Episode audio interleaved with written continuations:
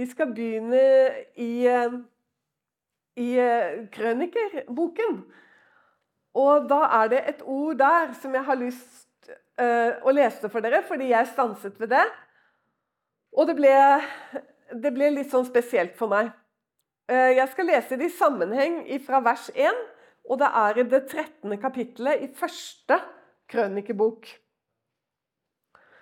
Og da leser jeg de tre fire første versene.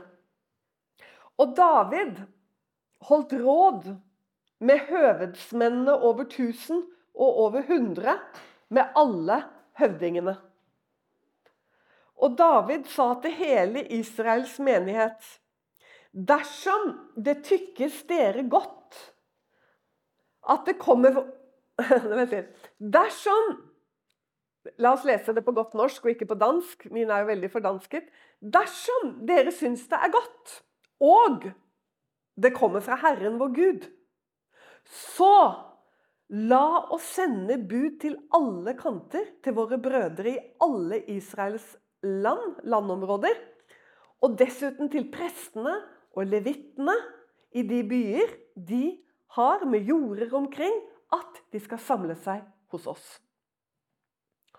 Og la oss så flytte vår Guds ark hit til oss.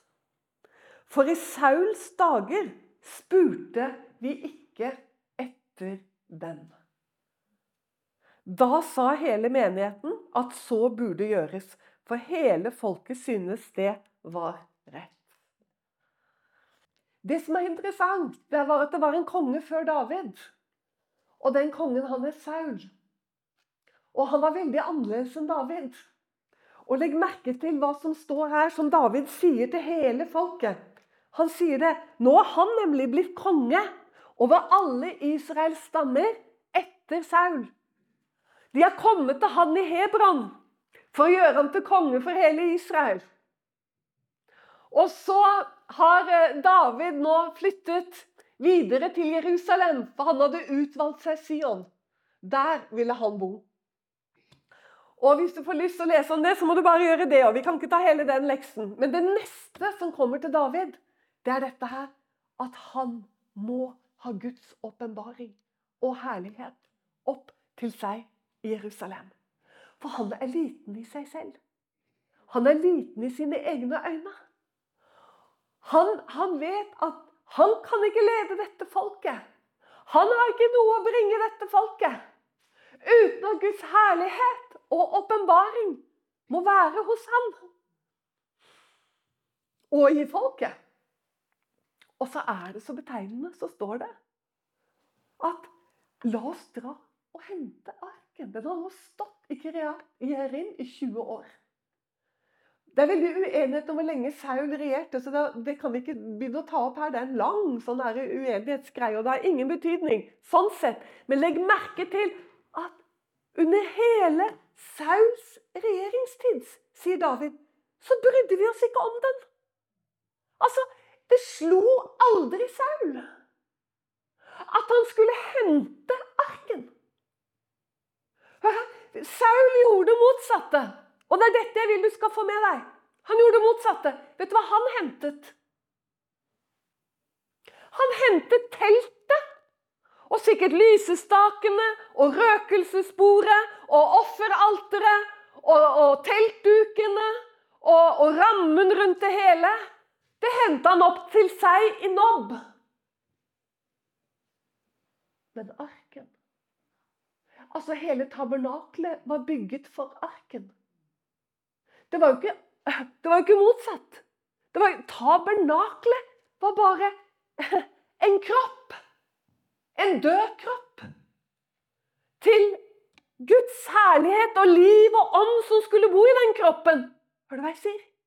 Tabernaklet var kroppen til der hvor Guds herlighet skulle bo. Og i løpet av Om han regjerte i Jeg mener han regjerte i 12 år, men noen mener han regjerte i 20. Noen mener at han regjerte i 40. Apostelens gjerninger står det noe som ikke kan stemme med sånn og sånn. Så derfor må vi bare glemme det. Men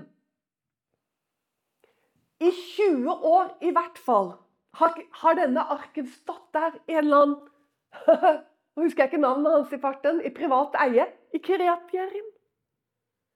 Men Saul hadde hentet opp legemet til arken. Til Guds herlighet. Derfor Guds herlighet skulle bo. Men det var jo ingen herlighet. Det var ingen åpenbaring. Og, og liksom Det gjorde Saul. Mens David Det første han tenker på, er arken. Når han er blitt konge. Det første han tenker på. Før han tenker på å bygge tempel, før han tenker på noen ting, så tenker han jeg må ha Guds herlighet. Jeg må ha Guds åpenbaring. Ser du det? Vi kan ikke ha navn av at vi lever. Vi kan ikke ha navn av at vi går rundt som kristne kropper. Vi må ha Guds herlighet, Guds liv og ånd her inne. Han må hvile og bo her. Amen. Så David Han er liten i seg selv. Han er ikke noe i seg selv. Så han bare vet at det, Han sier det i et annet sted, så sier han det der i Samuels bok, så sier han det sånn at hvem er jeg? At jeg skal lede hele dette folket. Og han vil hente arken. Og så vet vi det at han drar av gårde, og så gjør han det hele ganske feil. For han setter den opp på noen vogner og okser og greier. Og det, da slår Gud ned.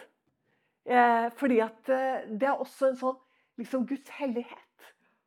En påminnelse om Guds hellighet. At det er prestene som skal bære arken. Og dere, våkne opp, kvinner og menn. Prestene, hva er det Peter sier i sitt brev? Første Peters brev. Vi er prester. Vi er prester. Vi er en kongelig ett, og vi er prester for Gud. Og bare de kunne bære arken. Så de måtte bære den opp til David, og David var med, og han fryda seg.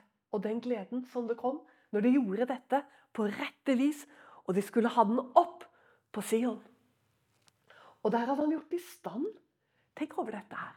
Han hadde gjort i stand et telt for dem. Har du lest noe sted i Apostlenes gjerninger hvor det står at Gud skal deretter oppbygge Davids falne hytte? Har du lest det? Det er dette teltet som han hadde gjort i stand til arken. David flytter aldri tabernaklet. Det, det, det er så interessant. Han flytter Det er aldri dyr som blir ofret på Sion. Der setter han arken inn i dette teltet. Og det er et telt som han lagde i stand. Og så setter han prestene der til å tjene. Levitene der til å tjene. Med trompeter, med harper, med holdt på å si, cymballer og hele musikken for å lovprise Gud og takke Gud. Hva? Og åpenbaringen begynner fra og med David. Så begynner også virkelig profettjenesten å rulle i Det gamle testamentet. Og legg merke til at de aller fleste profetene de er av presteett. Altså de som tjente ikke sant? ved arken, ved åpenbaringen. Det er så spennende, syns jeg, denne sammenligningen mellom David og Saul. Og dette her at han kunne flytte tabernaklet og ikke hente arken som sto i Kiryat Jearim hele tiden mens Saul var konge. Så var Guds herlighet. I 20 år så sto den der i privat eie. Uten engang å tenke på den. Og hvis vi ser litt på Saul og hvem han var, så går det ikke så lang tid før Samuel gir han den beskjed at hans kongedømme kommer til å falle. Og du vet at Saul, han regjerer på menneskelig vis. Han regjerer med sine tanker og det han mener er fornuftig, og det han syns er rett. Det betyr ikke at han ikke tror på Gud. Han tror på Gud. Han er salvet av Gud, innsatt av Gud gjennom Samuel. Men allikevel så er han en mann som ikke stoler på Gud. Og som ikke regner med Guds åpenbaring, ikke er opptatt av Guds herlighet og åpenbaring. Og hans datter Mikael, Mikael, som blir konen til Saul, nei, til David. Altså datteren til Saul blir konen til David. Og hun er av samme ulla som faren sin. For når David fryder seg, når han bringer Guds herlighet opp på Sion, og han danser og han gleder seg med, si, med tjenestekvinner og hele Israels folk, som er med å flytte Guds herlighet opp på Sion, så står konen hans Mikael oppe i vinduet og forakter ham. Fordi du har virkelig tedd deg ut. Han får høre det om kvelden. Og hvordan du har Dummet deg ut på godt norsk nå, sier jeg med mine ord. Dummet deg ut for hele Israel. Og så sier David til henne Ja, hun forakter han fordi han liksom sammen med tjenestekvinner og andre slavefolk liksom har David hoppet og sprettet av glede. Og så sier David Det er så flott. Jeg skal gjøre meg enda mindre. Og hun må ha blitt så sinna. Jeg skal gjøre meg enda mindre, Mikael. Fordi at David han vet at alt han har fått, og alt det han er, det er han i Guds velsignelse. Det er han av bare nåde. David forblir liten i seg selv hele sitt liv. Han vet hvem det er som har gjort ham til konge. Han vet at han er helt fullstendig avhengig av Gud i absolutt alt. Han dummer seg ut på det ene og to og sikkert flere ganger. Men han går alltid helt ned for Gud og bekjenner sine synder. Overgir seg til Herren og omvender seg hver eneste gang. Men Mikael hun er av samme kaliber som sin far. Hun er også en som er troende. Hun er av Israels menighet. Hun, hun, hun tror på Gud, men hun er ikke opptatt av åpenbaring. Hun er ikke opptatt av å høre hva Gud sier, og hva som er Guds veier. Legg merke til dere, eh, hvis vi går til det 15. kapittelet i første eh, eh, Nei, det gjør vi ikke. Vi, vi, vi, vi går til andre Samuels bok. Første Samuels bok 15. Første Samuels bok 15. Og nå har allerede Samuel advart Saul flere ganger. Fordi Saul får stadig liksom, Han setter sin forstand og sin fornuft over det Gud har sagt. Så setter han sin fornuft og sine meninger over det. Og det er dette, vet du. Det er dette som ikke bare gjelder for gammel tid, men det er dette som gjelder for oss i dag òg. Vi begynner å diskutere med Guds ord. Vi setter våre forstand og våre løsninger og vår lurhet, rett og slett.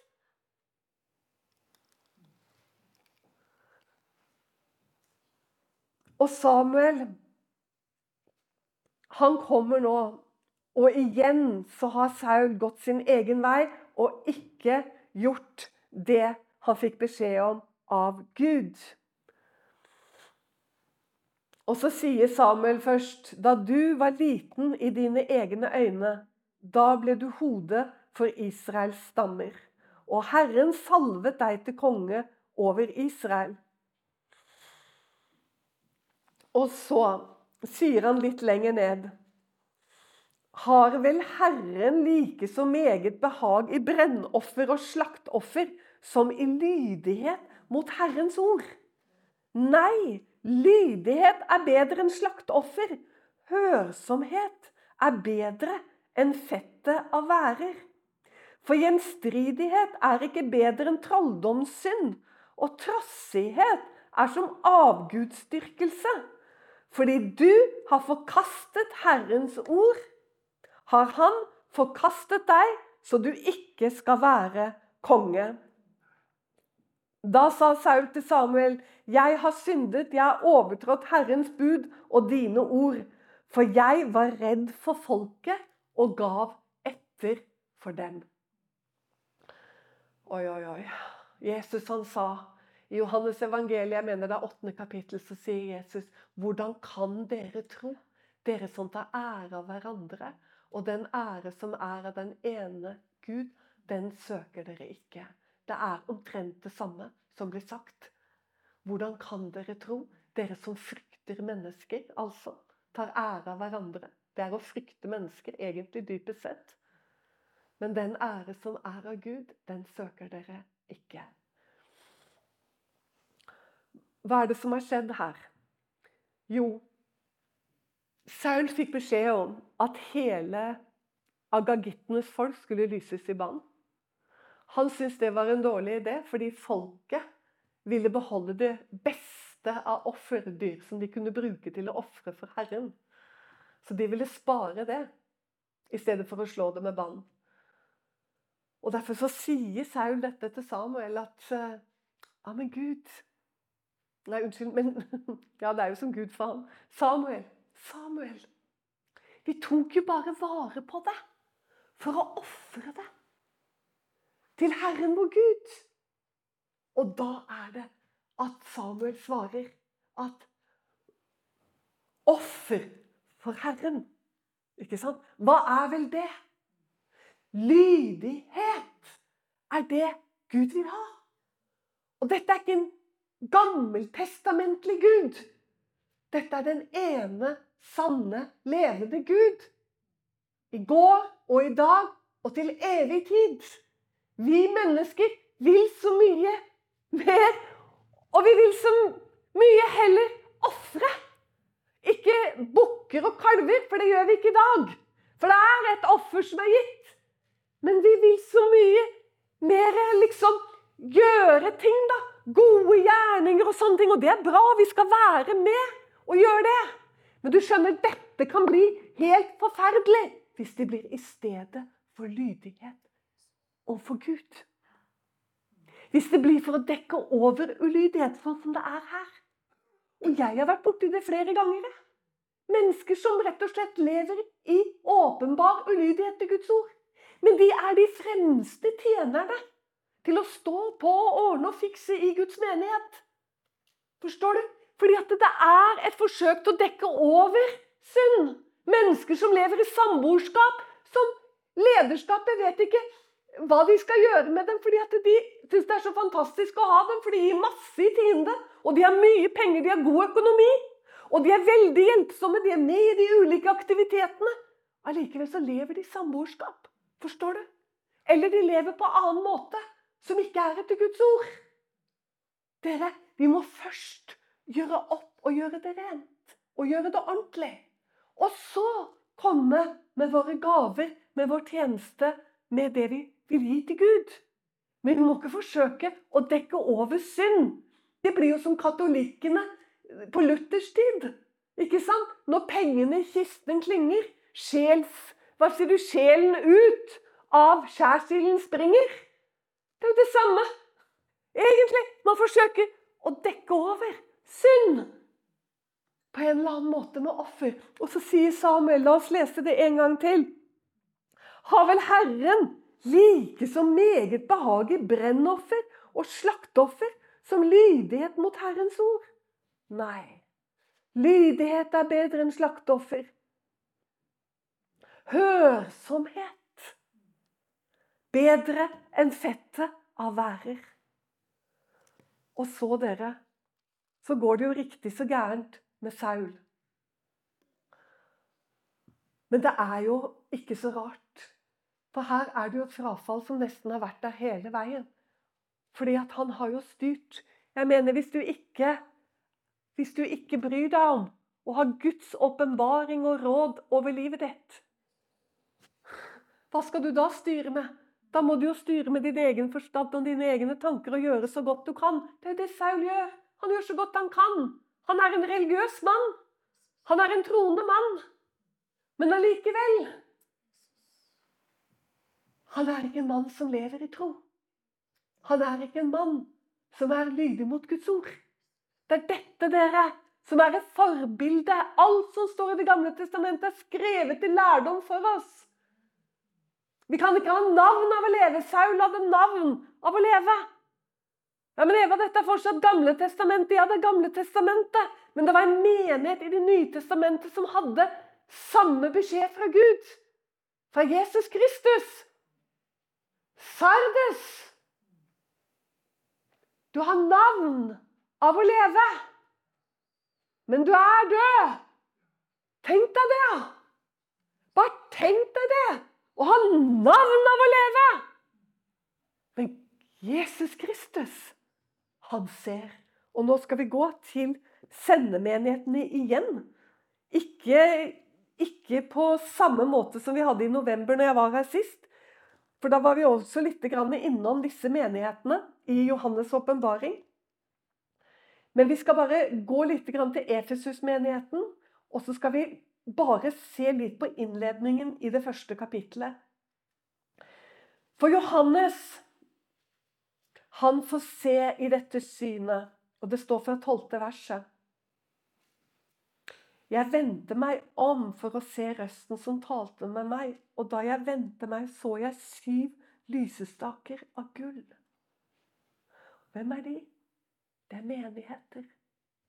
Men Johannes ser menighetene som lysestaker av gull. Og det han ser, er menoraer. Har du sett en menora? Det er den syvarmede lysestaken som sto i tempelet, og først i tabernaklet. Og det er ikke noe lysestake sånn som vi tenker, ikke sant? med stearinlys. Det fins menoraer du kan kjøpe i suvenirbutikker som har syv armer, og så kan du sette stearinlys ned i den. Det var ikke sånn. Det fantes ikke stearinlys den gangen. Det var oljelamper. Så hver gren var avhengig av å få tilsig av olje sånn at de kunne lyse. Sant? Og det er dette Johannes ser. Han ser disse oljelysestakene av gull. Syv stykker.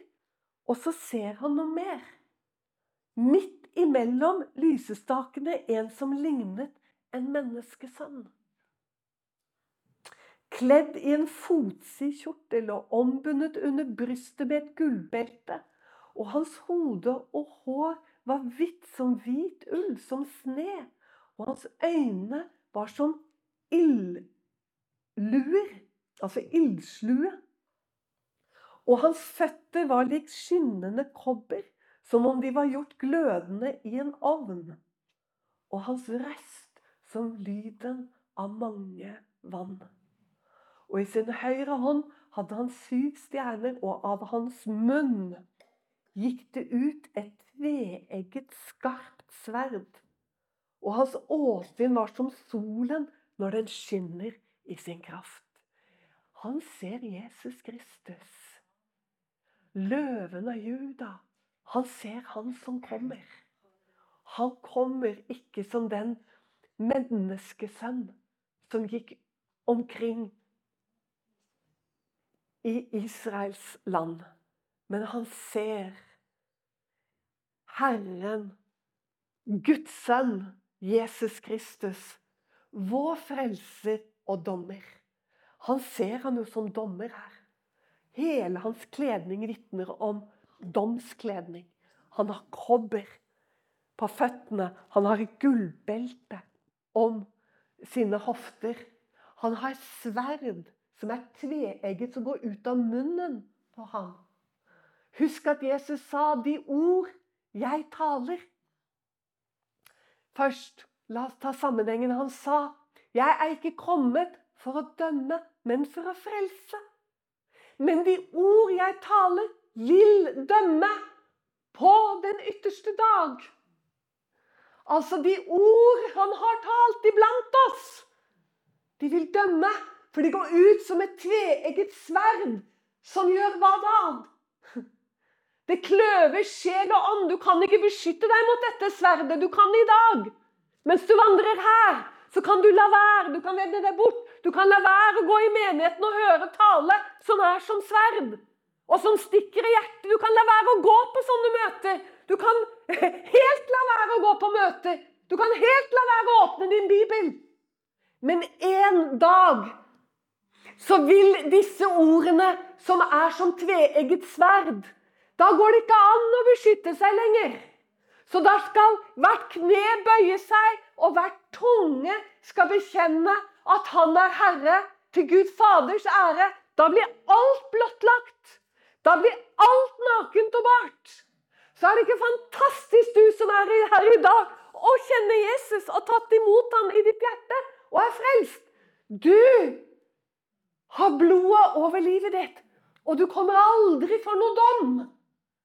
Men alvoret, dere, er at hvis vi lever i skitne klær, så vil også disse ord dømme en dag. Så vi må leve, dere. Vi må alltid aldri mangle olje på vårt hode, som det står, og alltid ha rene klær.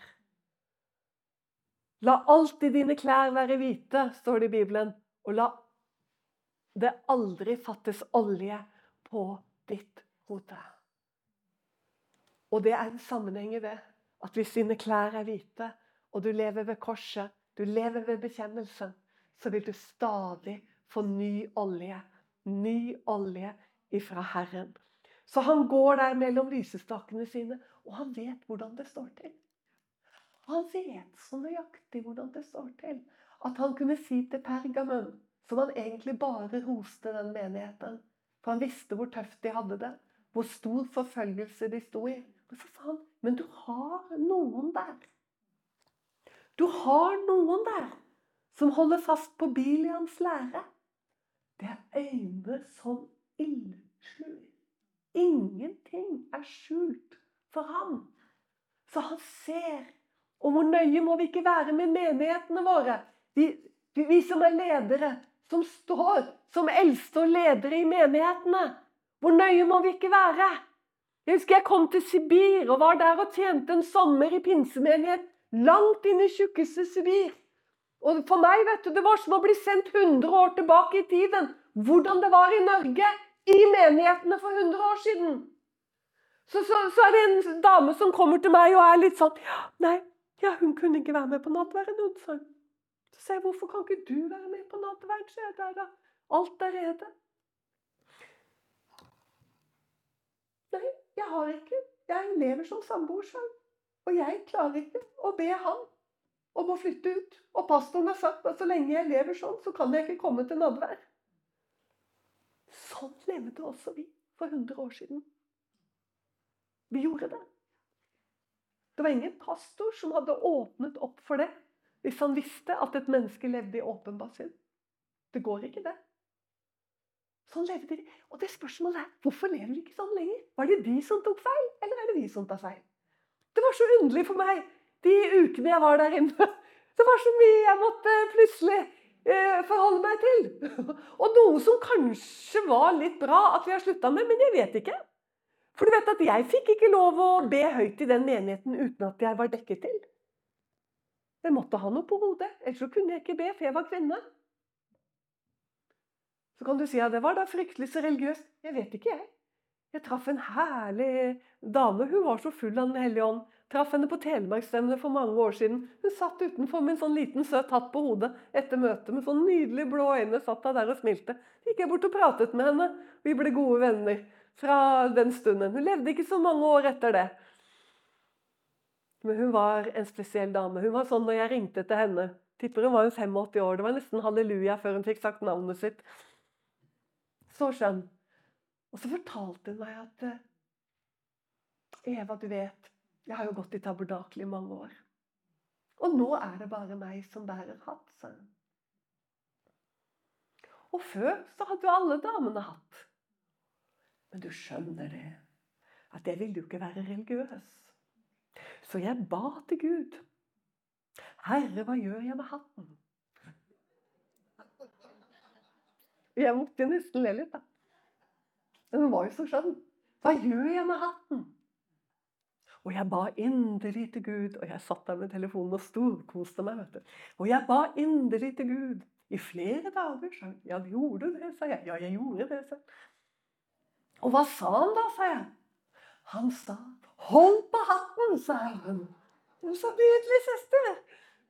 Så altså, jeg er ikke i tvil om at Herren sa 'hold på hatten'. Så du skjønner det at eh, det kan være litt av hvert. Han eh, kanskje skal ha til ordne opp i Guds menighet. Og nå kommer du til å fly rundt på bygda og si at Eva har stått og forkynt at vi må få hattene tilbake i Guds menighet. Jeg vet ikke, jeg. Skjønner du? Men, eh, men jeg, jeg, ønsker å være ydmyk i alle ting overfor Guds ord. Fordi at vi blir så smarte etter hvert. Vi blir så kloke, og vi tror vi vet så innmari liksom, hvordan ting skal være. Altså, I dag står jeg og taler i bukser. Vanligvis taler jeg i skjørt. Men det er for å ikke gjøre anstøt på noen, for jeg tror faktisk ikke Gud bryr seg om det. Men jeg opplevde en gang for 15 år siden eller mer. Og Da var det noen sånne hattedamer, og de var helt nydelige. Men de skrev brev til meg fordi jeg hadde talt i buksedrakt. Og den fikk jeg 14 dager etterpå. Og der sto det det at de hadde ikke orket å gå i menigheten på, på 14 dager, eller var det mer en måned, eller noe sånt, fordi jeg hadde talt i buksedrakt. Skjønner du det? Gud velsigne dem. Altså, De er nidkjære for Gud, ikke sant? Så det jeg da tenkte er at da er det best å tale i skjørt, for da støter jeg ingen. ikke sant? Så det har jeg stort sett gjort etter det, men eh, det skjer at jeg ikke gjør det også. Jeg bare skulle sånn ønske at vi kunne bli en sånn menighet. Sånn virkelig med oppriktig hjerte. For du skjønner det. At er det noe jeg vet i løpet av de årene jeg har vært frelst, og det er jo noen år nå, så er det det at Gud Det er ikke bare et ord at Gud elsker de ydmyke, og at han gir de ydmyke nåde. Det er en virkelig realitet. Jeg har vært i bønnemøter som har kunnet vært så tørre. Og så plutselig så reiser en mann seg opp og ber Gud om tilgivelse for synd. Og så falt Den hellige ånd i samme stund i hele lokalet, og det ble en vekkelse og et brus. og Jeg kommer aldri til å glemme det. Og jeg har opplevd det om og om igjen. Der hvor mennesker ydmyker seg og blir små, der stortrives Den hellige ånd. Så måtte han få bort alle Saul-tendenser i Guds menigheter i Norges land. Som er opptatt av alt dette andre. Jeg sier ikke at de ikke er opptatt av Jesus, skjønner men man blir så veldig opptatt av kroppen og alt det andre og det som skal skje, det man skal drive med, og aktiviteten med. Mens det er Guds selv Jesus Kristus vi må søke, og hans herlighet og hans åpenbaring. For hvis vi ikke har åpenbaring i Guds menighet, så går vi vill, står det i Skriften. Uten åpenbaring så går vi vill. Så vi må ha den, og det er livsviktig. Og nå til avslutning Efesus. Skriv til engelen. Det er Herren som taler. Skriv til engelen for menigheten i Efesus. Dette sier han som holder de syv stjerner i sin høyre hånd. Han som går midt imellom de syv gullysestaker. Han vet akkurat hvordan det står til i hver eneste menighet. Jeg vet om dine gjerninger og ditt arbeid og din utholdenhet, og at du ikke kan tåle de onde, du har prøvd den som sier de er apostler, og ikke er det. Og du har funnet at de er løgnere. Dere som, som Vi som gjerne vil være konservative kristne. Her må vi lytte, for det er Efesus. Efesus de prøver på læren, og de er nøye. Og de er opptatt av, skjønner du, er dette etter dogmene? Er dette slik Skriften sier? Her har du Efesus. Hører du? Jeg, jeg, vet om dine gjerninger og ditt arbeid. Dette er ikke noe Sardes sløvhet. Disse her har ikke bøyd av og begynt å ta inn av kulturen. Skjønner du? Og liksom begynt å ta litt av det og litt av det. Å nei da. Du kan ikke tåle de onde. Du har prøvd dem som sier at de er apostler, og funnet at de er løgnere. Altså, de prøver ting og falsk lære rundt omkring. Og de ser hva som holder, og hva som ikke holder. Og du har hatt utholdenhet, og du har hatt mye å bære. Du har måttet bære mye, måttet tåle mye. Fordi du står ved Guds ord, så må du tåle en del, for du får prøvelser og problemer. For du står for Skriften, du står for Ordet. Og du har heller ikke blitt trett. Men hør nå. Men jeg har imot deg at du har forlatt din første kjærlighet. Og vet du hva jeg tror? Han som går mellom gullysestakene.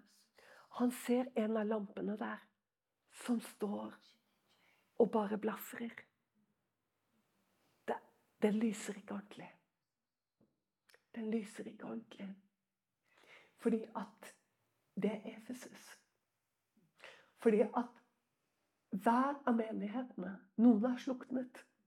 Sardes har omtrent sluknet. Laudikea sikkert også nesten sluknet. Men her er det en som også står og blafrer, og det er Efeses. Oljen og livet. Kjærligheten til Jesus Kristus. Den første kjærligheten. Og det er det som er farlig for oss som lever i nedgangstider i Norge. Med all mulige ting vi heller kan gjøre enn å søke Gud. Hvor fort vi kan bli aktivitetskristne. Arbeidende kristne. Men lønnkammeret taler dette om. Livet i Gud. Livet i Gud. Olje på lampen. Avhengigheten av Jesus. Avhengig av Jesus. Du vet at du er avhengig av Jesus, men så er det blitt så tungt. Og det er blitt så vanskelig å komme. Og det liksom, det kjennes så tørt. Og det er liksom sånn Nei, jeg tror jeg ser på en serie i kveld. Forstår du? Det er Efesusveien. Det er noe som holder på å slukne. Og hva hjelper da alt det andre? Det blir jo nesten litt skummelt. At man vet så inderlig vel hvordan det skal være. Sånn og sånn og sånn. Men livet her inne, hvordan står det til? Med livet? Banker det der inne? Når du går inn for Gud, kjenner du at Han kommer med sitt nerve og med sin ånd. Omslutter det der. Får du gråte ut for Jesus? Får du være der i ro med han? Går du avsides og taler med han? Kjenner du avhengigheten til Gud? Og Det er dette jeg er så redd for landet vårt. Avhengigheten til Jesus Kristus. Herre, jeg trenger deg. Vær hos meg. Forstår du? Du som går og kjenner på det i hverdagen, du vet hvordan det skal være. Du har funnet at de som sa de var ditt og datt, de er det ikke. Du har sett på det, og du opplever det som falskspill. Eller du titter mot dem, og du ser at åh, oh, uffa meg, det er så light og lett alt sammen. Men hva med deg og hjertet ditt? Brenner det her inne? Gleden i Herren er den der. Kjenner du friden og gleden i Gud? Det er Efesus. Og det er så mye å vinne, dere. Det er så ufattelig mye å vinne. Stå med oss økonomisk og i bønn. Du finner oss på utentvil.com.